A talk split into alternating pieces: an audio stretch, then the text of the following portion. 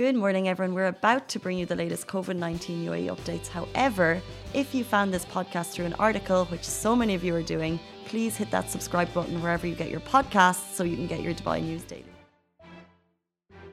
Good morning, Dubai. How are you doing? Welcome back after your long e weekend. Let me know where you're watching from. I'd love to know are you on the way to work? Are you in the office? Are you still in bed? I'm not jealous at all. Today's top stories are an Emirati lady has broken the world record for hot stepping, which is incredible, so skilled. And also, we're going to be talking about our Business Bounce Back campaign and also the fact that COVID 19 can be traced in Dubai airports by sniffer dogs. This is so innovative, so incredible. We'll get to that in a second. But just I want to do you a quick run through that today's show is brought to you by Armonia Spa as part of Lovin Dubai's business bounce back campaign. Now we're doing this every week. We want to shout out companies that need your help during this time. So this is a spa which is located in Al Safa 1 and they offer a complete luxury pampering experience including Moroccan bath, Swedish baths, couple massage and hammam and so much more. And if you want to support the spa, you can find it in Fraser Suites Hotel in Al Safa 1 where they are open every single day from 10 a.m. until 2 a.m. And while Armonia Spa is the sponsor of this show, the opinions and statements are Lovin Dubai's. So we're going to run you through our top stories, guys. Like I said, I hope you had a brilliant weekend. I want to bring you through this kind of innovative news that UAE has become the first in the world to use canine dogs to detect COVID-19 cases among travelers. So how cool is this? So what they've done is they set up a dedicated special area in the airport and canine dogs are going to take samples from people, not directly, obviously, the people provide the samples. This is all in collaboration with Dubai Health Authority, and the results are actually made available in less than a minute. So the police dogs then sniff around to detect the virus from a number of samples in an isolation room. So basically, the travelers, of course, or the passengers, do not come in contact with uh, with travelers at all, or with the dogs do not come in contact with the travelers at all. So innovative, like I said. Um, and this is being rolled out across uh, Dubai airports, and this is the first time in the world that sniffer dogs are being used for this purpose, um, which is very, very cool. And it's just, along with, of course, we know that you have to get tests to fly into the UAE. Now, if we want to leave to go to certain countries, we need tests as well. This is just one more measure. And um, I think as we're talking about this, I want to bring you through uh, the latest COVID 19 numbers from the weekend. Uh, so, in the last 24 hours, there's been 239 new cases. We're at 360 new recoveries no deaths in the last 24 hours. So we're still at 351 total deaths for COVID 19 in the UAE. Total recoveries stand at 54,615. Total confirmed cases are at 60,999. And the active cases in the UAE at the moment are 6,033, which are dipping. So it's great to hear. But of course, as we bring you uh, numbers, as it's great to hear that they're dipping, we need to constantly remind ourselves that all of these precautions are in place so we continue to uh, battle the spread together. Um, so those are the top numbers. Uh, the fact that the canine police dogs are being used to detect, to, to detect COVID-19, so amazing. Um, so shout out to all the authorities involved for making this happen. But move into our next story, which is the fact that an Emirati woman has broken the Guinness World Record for football hot stepping. Uh, good morning, Chai. Did you know what hot stepping was when we started the story? Because I didn't. No, I actually don't know. I'm still wondering what it is. I would have, if you were, to, I would have guessed it was like keepy uppies, but it was a word I didn't know for keepy uppies or something. Uh, I had no idea it had something to do with football too. Oh, well, it's football hot stepping, so that's kind of what gave it away to me. But anyway, uh, shout out to Arij Al Hamadi. So she's an Emirati and she's basically smashed the world record, which is so cool. She managed to do 86 repetitions of the ball. So keepy uppies is when you uh, keep the ball up off the floor over the space of a minute. But football hot stepping, and if you can see the video beside us, and also Guinness World Record share, um, if you're on Facebook, you can see the video beside us. It's when you kind of tap the football down with your feet. Can you see the video now? Do we share the video? so it's going to come up soon. So you tap the football down with your feet, and she managed to do 86 of these repetitions of the ball control trick in one minute. The previous record was set at 56 repetitions, and this was made back in March. Uh, so she said that she's, um, she, well, she's also part of the UAE national football team. She said she was immensely proud and happy that she was able to bag this achievement for not only herself, but also the country and for women around the world. Uh, so very, very cool. She started? Yeah, yeah. So you're stepping on it and bouncing the ball. Stepping on it, bouncing, but you're tapping it down which uh, to me seems way harder than keeping it up. Uh, I could do, I cannot do either. I thought you were say I could do both. I was like, try really? Do you want to show us? Um, yeah, that's Arij Al Hamadi. And what it's cool is that they show all this video. It's obviously happened during COVID. So afterwards, you see her friend who's been videoing and the kind of the moment that she celebrates when she finds out that she reached it. And they're obviously wearing masks and stuff. Um, it was taken, it looks like in the looks like in the car park of Dubai of Coca Cola Arena. I'm not quite Yeah, sure I was gonna say. Looks pretty cool you can see like the bird behind it.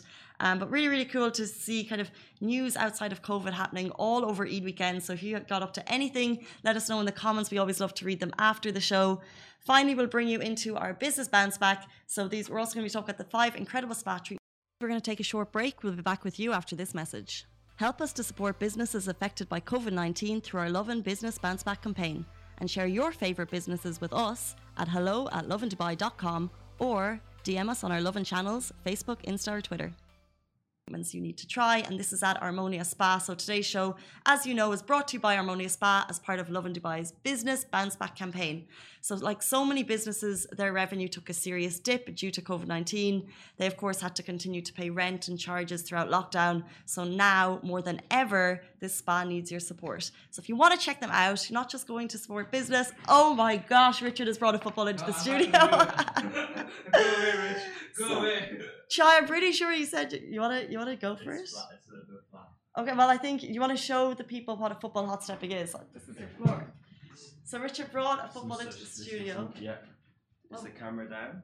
Uh, This is a little bit flat. So this is a normal keepy uppy, That's keep. That's what I thought she was doing. but she does. This is not going to bounce, but she's do. So much harder. So much harder. It doesn't bounce anyway. Should we try keepy uppies? Okay, so this is keepy uppy.